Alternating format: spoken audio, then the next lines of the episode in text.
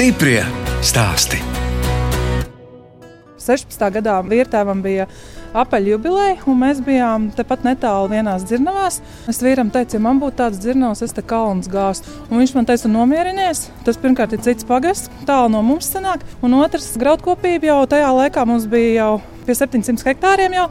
Un tad, kad mēs pirkām uh, zemes gabalus un uh, slēdzām jaunos zemes nomas līgumus šajā pusē, kur ir uh, dzirnavs, Vēl tad mēs pat nedomājam par to, ka mēs varētu ņemt klāt arī pašas dzirnavas un veidot viesnamu.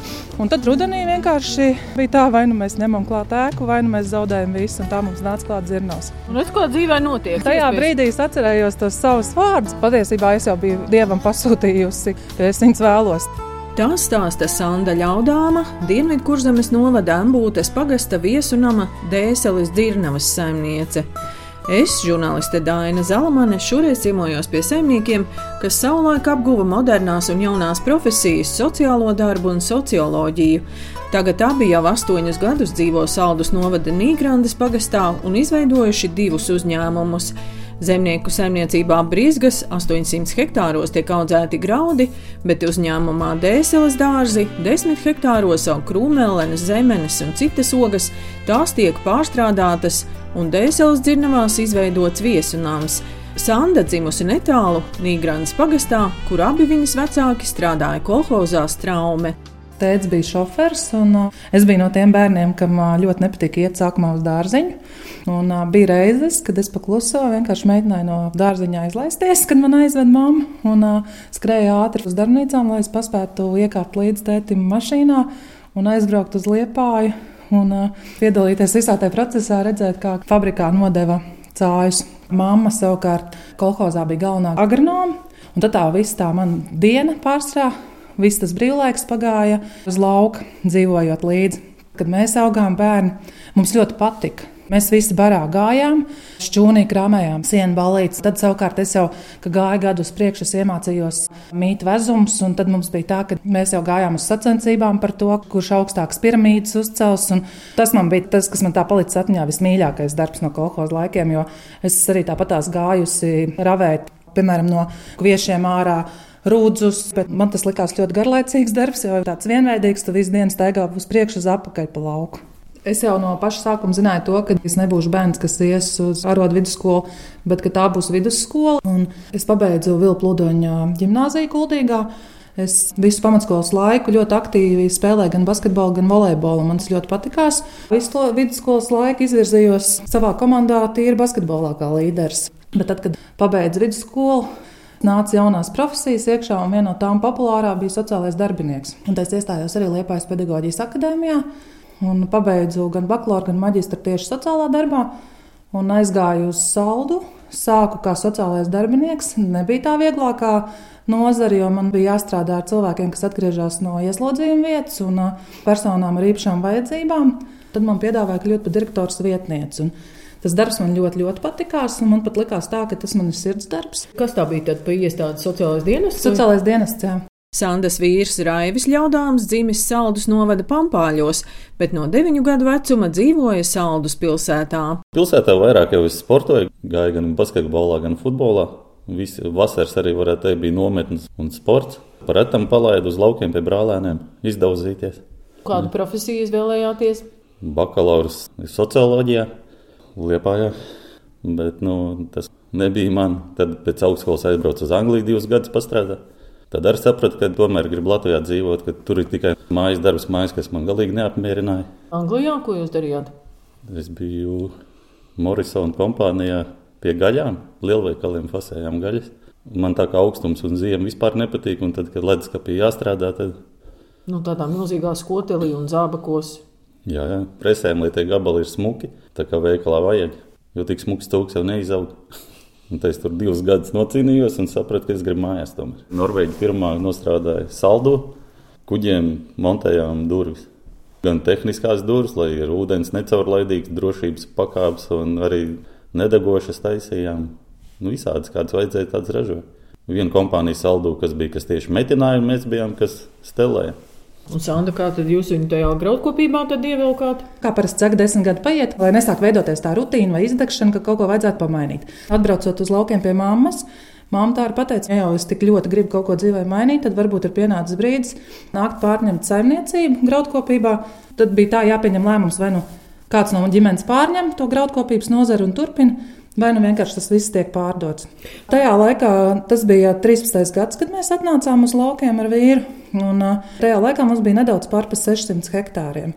Un tā mēs tagad līdz, līdz šim brīdim jau esam izauguši līdz 800. Mēs augam, attīstāmies, bet pakāpeniski to darām. Raivi, kā tas bija jums? Kā tas ir, kas jau pēkšņi paziņo, iešu tagad uz laukiem un audzējuši graudus? Gluži tā nebija, bet jā, lēmums bija kopējs. Sapratu, ja nesanāks, tad nezinu, kā būs, bet, bet sanāca. Tīri labi.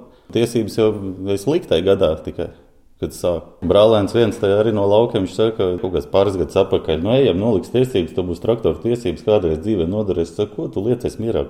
Es un traktors, divas dažādas lietas. Pāris gadu pagāja un dabūju iet mācīties. Jā. Neskatoties uz to, ka es tajā kolekcijas laikā dzīvojos pa tiem laukiem, tas bija kaut kā bišķi savādāk. Bija uh, citi laiki, cita tehnika. Jā, pirmkārt jau tas, un otrs arī tas, ka mamma turēja no tās lauksaimniecības laiku pa gabalu. Viņa tā arī pateica, ka mums ar brāli ir jāiet un jāizglītojas citās profesijās, jo tā lauksaimniecība ir ļoti smaga. Jo tā tik liekas viegli, kas tur ir pavasarī iesēja, rudenī nokul un tad atkal iesēja. Bet tie procesi jau ir, viss ir atkarīgs no laika apstākļiem, un uh, es tiešām nemānos. Es neko no tā visa nesapratu. Un man bija ļoti grūti, kad es atnācu uz laukiem, jo es negāju ar prieku uz tā lauka. Tad, kad mamma man mācīja, un mamma tā arī domāja, ka viņa man nekad neiemācīs. Bet tā, tagad es esmu ļoti lepna un gandrīta, jo es aizgāju mācīties Latvijas Lauksaimniecības Universitātē, Lauksaimniecības fakultātē. Nepabeidzu kā agronoms, jo es sapratu, ka neklātienē man tas būs bišķiņ pa grūtu. Bet ņemot vērā to, ja es kādu lietu iesāku, tad man ir tas līdz galam jānoved, lai cik grūti būtu. Un tad es pabeidzu lauksaimniecības fakultātē lauksaimniecības uzņēmumu vadību. Man bija ieskats visās nozarēs - graudkopībā, gan lopkopībā, gan dārzkopībā, gan vadībā. Tas bizness sākās ar graudiem. Jā, mēs atnācām uz laukiem, pārņēmām no mammas saimniecību. 15. gada beigās mēs pārņēmām. Un tā mēs mērķiecīgi gājām uz priekšu, un katru gadu aizvien vairāk pavairojām zemes platības. Un tad, kad mēs pirkām zemes gabalus, un Pēc tam jau nācām uz šo pusi un slēdzām jaunos zemes nomas līgumus šajā pusē, kur ir dzirnavs. Vēl tad mēs pat nedomājam par to, ka mēs varētu ņemt klāt arī pašas dzirnavas un veidot viesnamu. Jo bija tikai daļa no ēkas nodot eksploatācijā.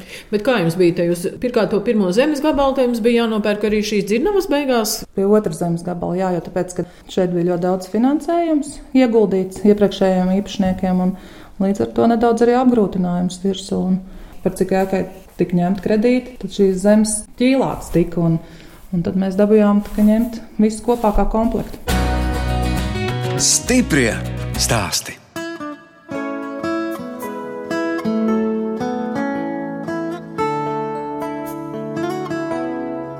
Jūs klausāties raidījuma stipri stāstī. Šoreiz ciemojos pie Sandas un Raivļa ļaudāmiem, kas jau sešus gadus saimnieko gan Saldus novada Nīgrandes pagastā, gan Dienvidu kurzemes novada Ambūtes pagastā un darbojas vairākās nozarēs.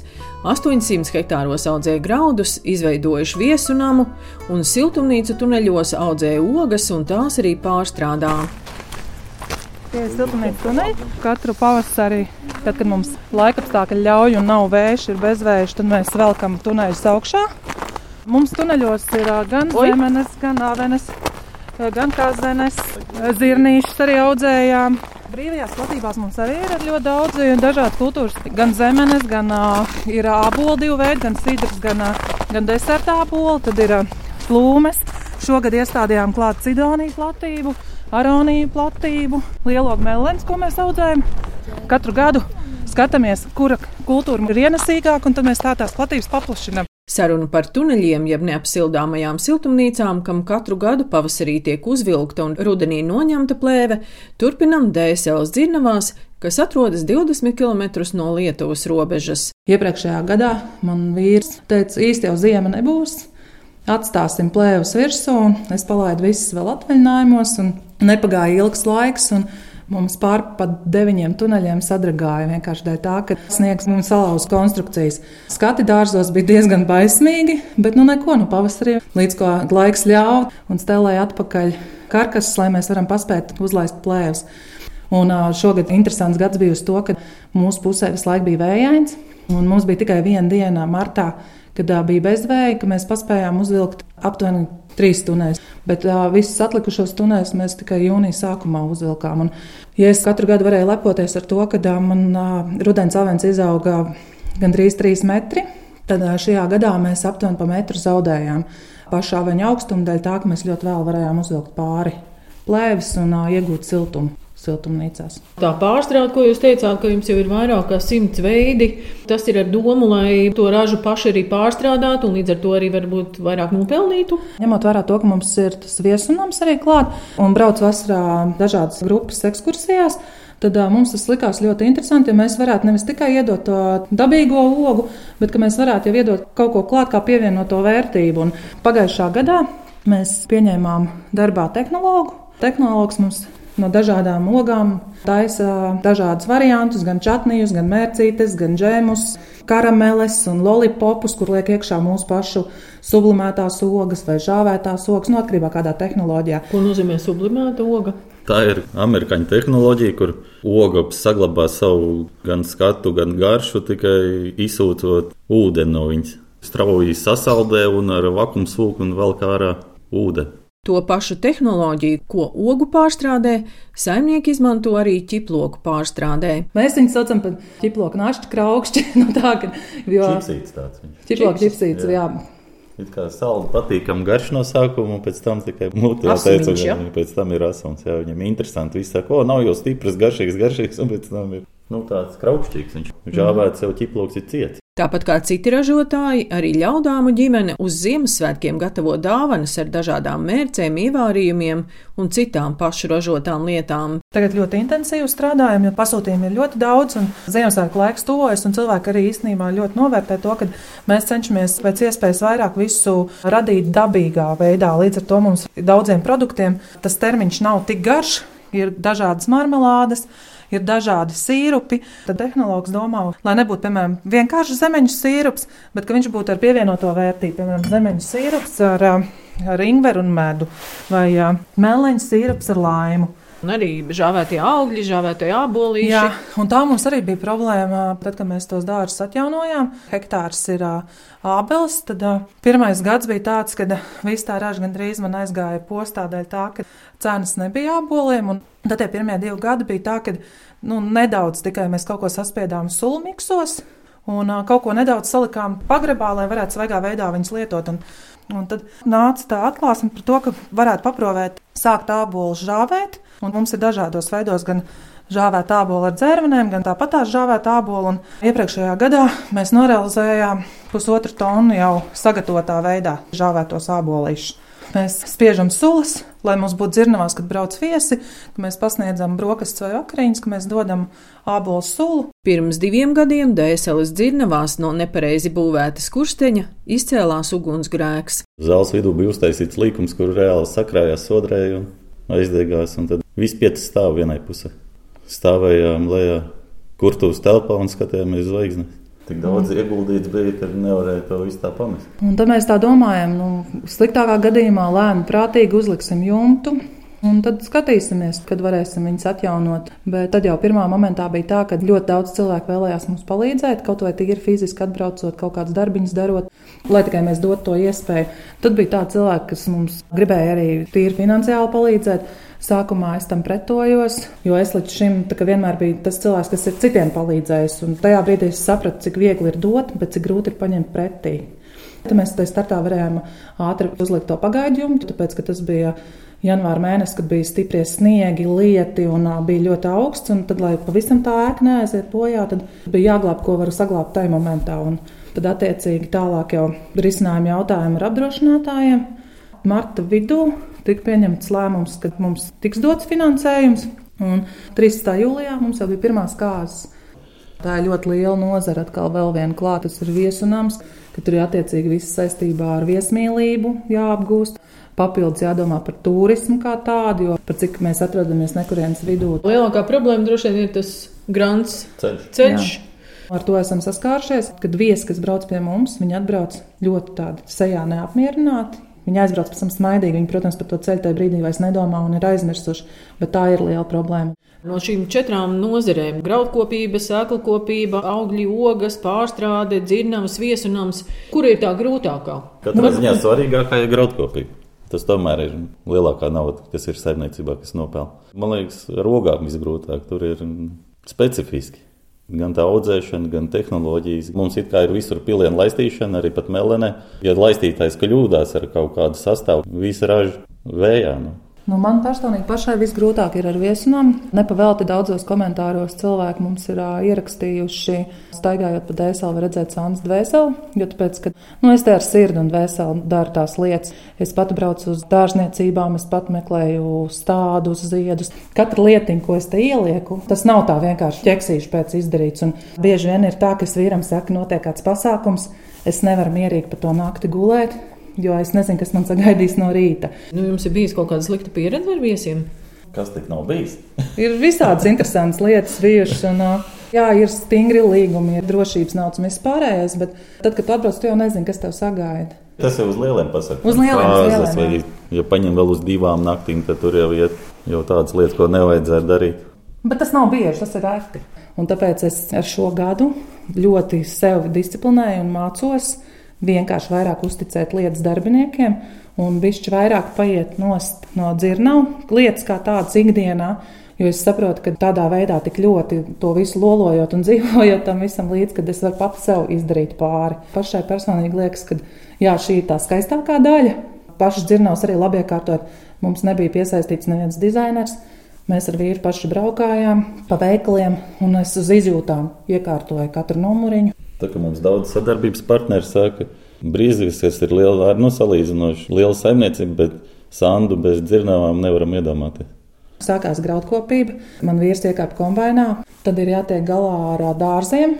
Un uh, paralēli vēl te jāpieslēdzās dzirnavām, un jā, nu, jā, jā, jā, jāplāno un nu, jāmanedžē viss. Tad liekas, ir nenormālā pārslodze. Tad tu tā apsēdies un domā, varbūt man to nevajag vai man to vajag. Tad, kad sāk jau viss tas izlīdzināties, tad tā nomierinies. Un, nē, bet man to visu vajag. Droši vien viss prasa, kāpēc tad ir dēseles dārsts, dēseles dzirnamas. Tā viss domā, ka ir dvēseles, man liekas, arī. Jā. To vēburt visi dzird kaut kā. Tāpēc, ka vieta te ir dēsele, pietur te ir dēsele.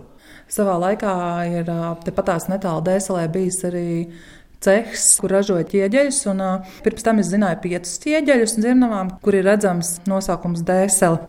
Tagad ar katru grupu staigājot, man rodās kāds pa vidu, kas ierauga vēl kaut kur kādu ķieģelīti. Un nu jau mēs esam tuvu kaut kur pie 20 saskaitījuši, kur ir redzami gan ēkas ārpusē, gan iekšpusē. Vecajā drukā. Jā. Un kā jums iet ar cilvēkiem? Tā kā tomēr jums tur sezonāli taču pat ir līdz 40 darbiniekiem vasarā. Mums tādā ziņā ir paveicies. Ir tādi stabilie ogu lasītāji, kas brauc jau no brīža, kad mēs aizsākām visu to darīt. Bet, nu, jā, teikšu godīgi, tie visi pārstrājieni mums no Saldus novada. No Nīgrāns pagasta iedzīvotāji ir skolotājs, kas jau kuro vasaru brauc, tad, kad ir atvaļinājums, piepelnīties.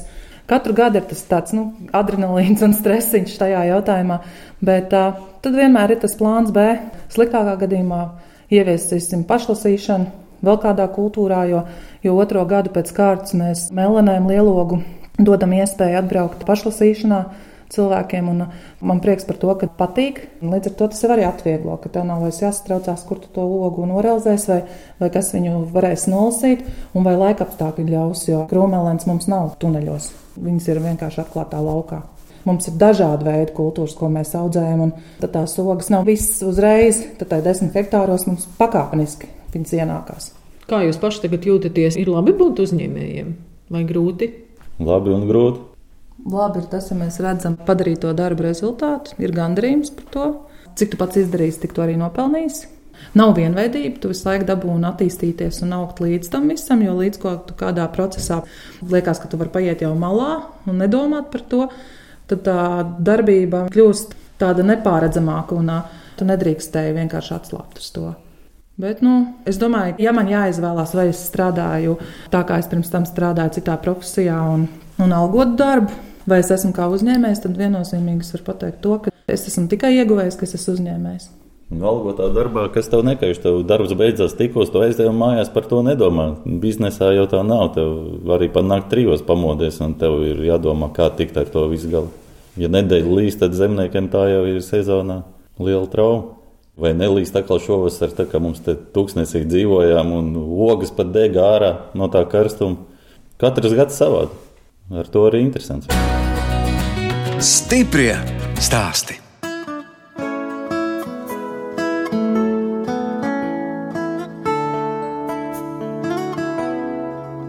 Jūs klausāties raidījumu stipri stāstī. Turpinu cīnoties pie Sandas un Raivja ļaudāmiem Dienvidkurzemes novada Ambūtes pagasta dēseles dzirnavās, kur viesiem izveidoti puķu numuri. Ar saimniekiem ieejam rožu numuriņā. Parasti, kad viesis atbrauc, mēs mēģinām viņus nedaudz pārsteigt un iepriecināt. Un tad vienmēr mums ir svaigi griezti ziedi vāzītēs salikti. Un tad sezonās, kad ir svaigās ogas, tad mums vienmēr ir svaigās odziņas ieliktas numuriņos. Bet nesezonā mēs kaut ko no tiem produktiem, ko paši ražojam, tad mēs ieliekam kā mazo tādu sagaidīšanas prieciņu. Un rozes ir uz tapetēm. Jā, nomierinošas, smaigas. Šeit ir guļamistaba. Mums nav televizora, bet nu, mums viss ir. Kabeļi ir, bet vienmēr veicam tās aptaujas un sapratām, ka nevajag mums tos televizors. Šeit tā, mēs šobrīd atrodamies dzirnavām visaugstākajā punktā. Mazā upīte Bākūzīte iet cauri. Viņa tāda arī ir, kā jūs tagad redzat šajā pusē. Mm. Un te, ja iznāk uz balkonu ārā, tad var paskatīties un var izjust to ēkas augstāko punktu. Tā, un mēs pat dzirdēsim ūdens šaukoņu.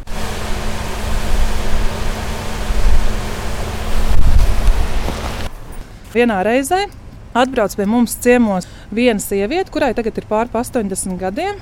Un izrādās, ka tad, kad viņai bija astoņi mēneši, viņa atnāca uz dzirnavām šeit dzīvot. Viņa bija ļoti priecīga un gandarīta, kad viņa varēja mums iepazīties klātienē, jo viņa bija atbraukusi tajā starposmā, kad bija dzirnavs pamests. Viņa teica, viņai ļoti sāpējusi sirds.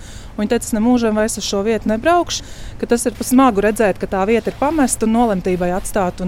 Tad, kad mēs abi iepazināmies un runājām, tieši viņas vārdi bija tā, ka dzirnava īstais saimnieks beidzot var dusēt mierīgi, jo ir īstie saimnieki atnākuši. Saimniekiem ir meita Lotte un dēls Ralfs, bet Raivis vispirms stāsta par lielo meitu Alisi. Alisai jau 13. Jā, dzīvo Ugālē, mācās Ventspilī, bet mums kontakts beigas foršoli joprojām ir. Katru otro nedēļu viņi brauc pie mums, arī ņemam visos ceļojumos viņu līdzi. Un, jā, viņi priecīgi, viņi vasarā nodzīvo pusi brīvlaika. Nevar sagaidīt, kad varēs ar traktoru braukt atkal. Pagājušajā gadā jau pirmais brauciens viņai pirmā slēdz bija ar kombināciju, ko viņa nokūla. Es viņai ļāvu. Bet bail nav. Nu, tomēr tagad tā tehnika ir tik moderna un dārga, ka tie bērni tur kaut ko var ne, nu, saplēst. Blak, blakus jau ir. Pat sieva šogad iekāpa pirmo reizi man mācījās kultu. Es pat cik bērnībā biju iemācījusies ar uh, veciem kombinācijiem braukt. Tur jau nevar salīdzināt ar uh, mūsdienām. Es vienam teicu, atļauj man pakult rapsi. Mm. Un tad es to vienu vakaru pabraucu. Kā tev veicās? Nekādu vainu. Nē, man patīkās, bet tā, lai es to darītu ikdienā, es domāju, viennozīmīgi nē. Raufiņ, patīk tev tehnika? Jā. No sākuma, kad bija mazāks, viņam izteikti patīk pie opa kombinācijā sēdēt, jo viņam ir tā kā gulta, tāds plaukts aizmugurē, viņš tur viņam sanāca miegs, viņam jau ops bija uzklājis gultu, un tur bija spilvens sēga, un tā viņš maziņš visu laiku braukāja līdz, ka apstaigāt mācīja. Un tagad jau, kad paudzēs lielāks, iemācījies braukt pats ar traktoru, Tad viņam vairāk ar traktoru jau ar kombināciju, viņam vēl braukt īsti nedod. Un tad onkls viņam dod pa lauku traktoru braukāt, un tad viņš līdz pašam vakaram. Nezinu, kurš tādiem bērniem spēks ir izturēt visu dienu, bet malets. Par Lotu vēl izstāstīt piecgadīgo. Kā mums te nesen nāca klajā ar paziņojumu, es laikam būšu dancotāja, jo man ļoti patīk dejot. Viņa mums vairāk tāda mākslinieka tipa bērns ir, bet viņai ļoti arī patīk. Viņa piedalās visos procesos līdz mums. Un, uh, Kas bija, par ko jūs tur sacensties? Raideris? Es... Pļāvējs, jā. jā. Kurš pirmais tiks? Jā, nu, es jau vispār esmu trešais. Es jau, man piedarbina, man tik ļauj benzīnu ielikt. Jā, Rāvs izvirzījies līderos, jo sākumā es viņu sēdināju raiderim priekšpusē ir tāda vietiņa, kur var apsēsties, un viņš var braukāt man tāpatās līdzi. Un tad beigās bija tā, ka jā, vienā dienā viņš man paziņo visu māmu tos darbus pārņem es, un tu vari domāt, tagad kaut ko citu darīt. Es esmu priecīga, ja kādā brīdī varu pakluso uzkāpt ja, un papļaut zāli. un ir iemācījis arī mazai māsai. Lotte arī tāpat tās ir iemācījusies braukt. Liek aizmugurē piekabi, un tad viņiem ir visādi tie darbi. Viņi paņem lāpstu, un tad viņi vedā uz vienu pusi, uz otru pusi. Tad lapas, kad sagrāb, tad atkal piekrāp pilnu piekabi. Tāpat viņi ēst dzīvniekiem, vedā saliek spainīšus iekšā tāds baigais process viņiem. Ralfs ļoti mīl dzīvniekus. Un, ja mēs aizbraucam uz kādu no mini zoodārziem, tad pirmais mammu, tu man šito nopirksi. Un, uh, viņš būtu gatavs visus vis dzīvniekus atvest mājās un uh, lolot, čubināt, Šogad bija tā, ka viņiem ir savu krājkas, un uh, mēs viņus jau radinām no bērnības, ka nauda ir jākrāj, un tad pēc tam varam kaut ko lielāku iegādāties. Un šogad viņi bija izdomājuši, ka viņi grib iegādāties katrs sev cūku. Bet nevis šādu tādu cūku, bet tādu dekoratīvu aitu cūku, mangalītas šķirni. Jā, jā tāda lokaina. Pa, paši atradās esā, un mēs ar Obu dabūjām braukt pakaļ. Viņi iedeva mums naudu un nopirciet mums katram cūciņu. Un tagad jums ir divas cūciņas? Nu, jau Tikko piedzima četri maziņi. Vai? Pirmā raža. Kur tu jūs tās mangalītes tur nīgrandē, ja? Tur mums pie mājas, jā. Uztaisījām aploku viņām un ir četri suņi. Ir kaķis, ir, ir, ir vistas viņiem. Tad, kad mums vēl nebija dārza un viesnams, mēs atnācām uz laukiem. Pie mājas mums bija divas nelielas kūtiņas. Mēs aizrāvāmies ar putniem. Tad mums bija dažādi veidi šķirņu vistas, broileri un tīteri un zosis un pīles. Un paipalas. Tas bija diezgan lielos apjomos priekš mums. Tagad mums ir tik daudz mājās tie zvēriņi, tikai tik, cik lai tie bērni, nu, lai viņiem ir tā gādības sajūta, ka viņš aiziet, viņš pabaro viņu, viņš zina, kas tas ir, kāds viņš izskatās, kāda ir zos, kāda ir pīle un prieka pēc. Un tas, ko jūs pieminējaties, tad jūs atpūšaties šur tur aizbraucot kādā ceļojumā. Jā. Bērniem tā kādreiz apsolījām, vienreiz gadā būsim kaut kur siltajās zemēs, un tā mēs mēģinām pildīt to solīju. Pārsvarā mēs braucam uz Eģipti, jo ziemā tur ir silts. Kur tu vēl ar Horvātijā bija, Bulgārijā bija, ar Romiem bija. Palaidām, pamēģināt, kā ar Romiem var sadzīvot. Nu jā, un kamēr mēs neatnācām uz laukiem, tad mēs vairāk brīvā laikā aizrāvāmies sportojot.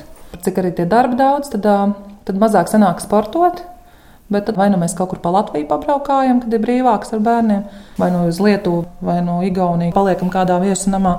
Un tad vienreiz gadā jā, mēs taisām tālo ceļojumu bērniem, un tad paralēli paši braucam vairākas reizes gadā. Kāds vēl sapnis? Visu laiku ir jāsapņo, jo, ja nesapņos, tad uh, zudīs tie mērķi. Kad man sieva kādreiz smējās, viņa sapnis tūkstotis hektārus. Galvokopībā, ja? Jā. Tad mēs smējamies, vēl vairs nav tālu. Runājot tīri šeit par dzirnavām un par viesnām, es vēlos šo vietu padarīt uh, populāru, zināmu, jo neskatoties to, ka es dzīvoju pat tās netālu, visu savu bērnību un braukāju sešus gadus uz Liepāju ar autobusu garām. Es kaut kā šo vietu nebiju pamanījusi pirms tam. Un arī tagad daudz, kas atbrauc pie mums ciemos, viņi arī saka, viņi pirmo reizi par mums ir dzirdējuši. Viena no tām manām misijām ir darīt šo vietu cilvēkiem zinām, jo šeit ir miers, šeit ir skaisti, šeit uz vietas ir ko baudīt. Mums ir laivas, mēs braukām pa dzirnavu dīķi, un tepat ārā ir uztaisīts arī slitkalniņš, ar ko var iešļūt iekšā pa taisno mūsu pašu dīķī, un tas arī ļoti cilvēkiem patīk. Bērniem vai Nē, visiem? arī pieaugušiem. Ah. Mēs paši arī taisījām. Ir pirtiņa, ko uzstādījām, un uh, ir arī karstā ūdens kublis, bērnu rotaļlaukumu. Un te mēs tā lēni, prātīgi, jo mēs kredītus uh, šī vietā neņemam, un projekti mums arī vēl nav tapuši neviens te. Un cik mēs spējam ar saviem līdzekļiem, to mēs visu laiku tepat investējam pa bišķim atpakaļ un uh, šo vietu iekopjam uz priekšu. Tad vēl adventu laikā kāds vēlējums.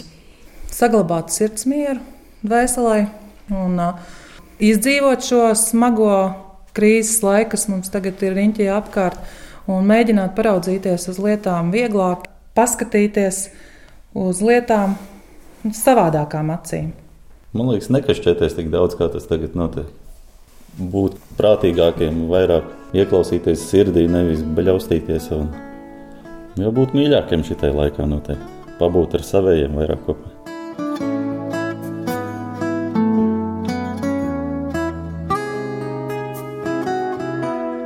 Radījums stipri stāst izskan, un mēs atvadāmies no Sandas un Raivja ļaudāmiem, kas saimniekot Dienvidu kurzemes novada Ambūtes pagasta dēseles dzirnavās, 800 hektāros audzēja graudus, bet 10 hektāros ogas un augļus, un tos arī pārstrādā.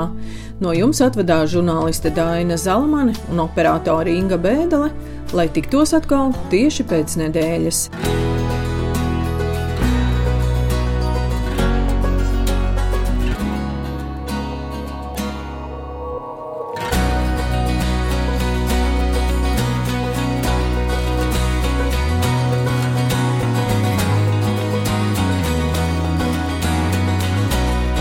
Stiprie stāsti.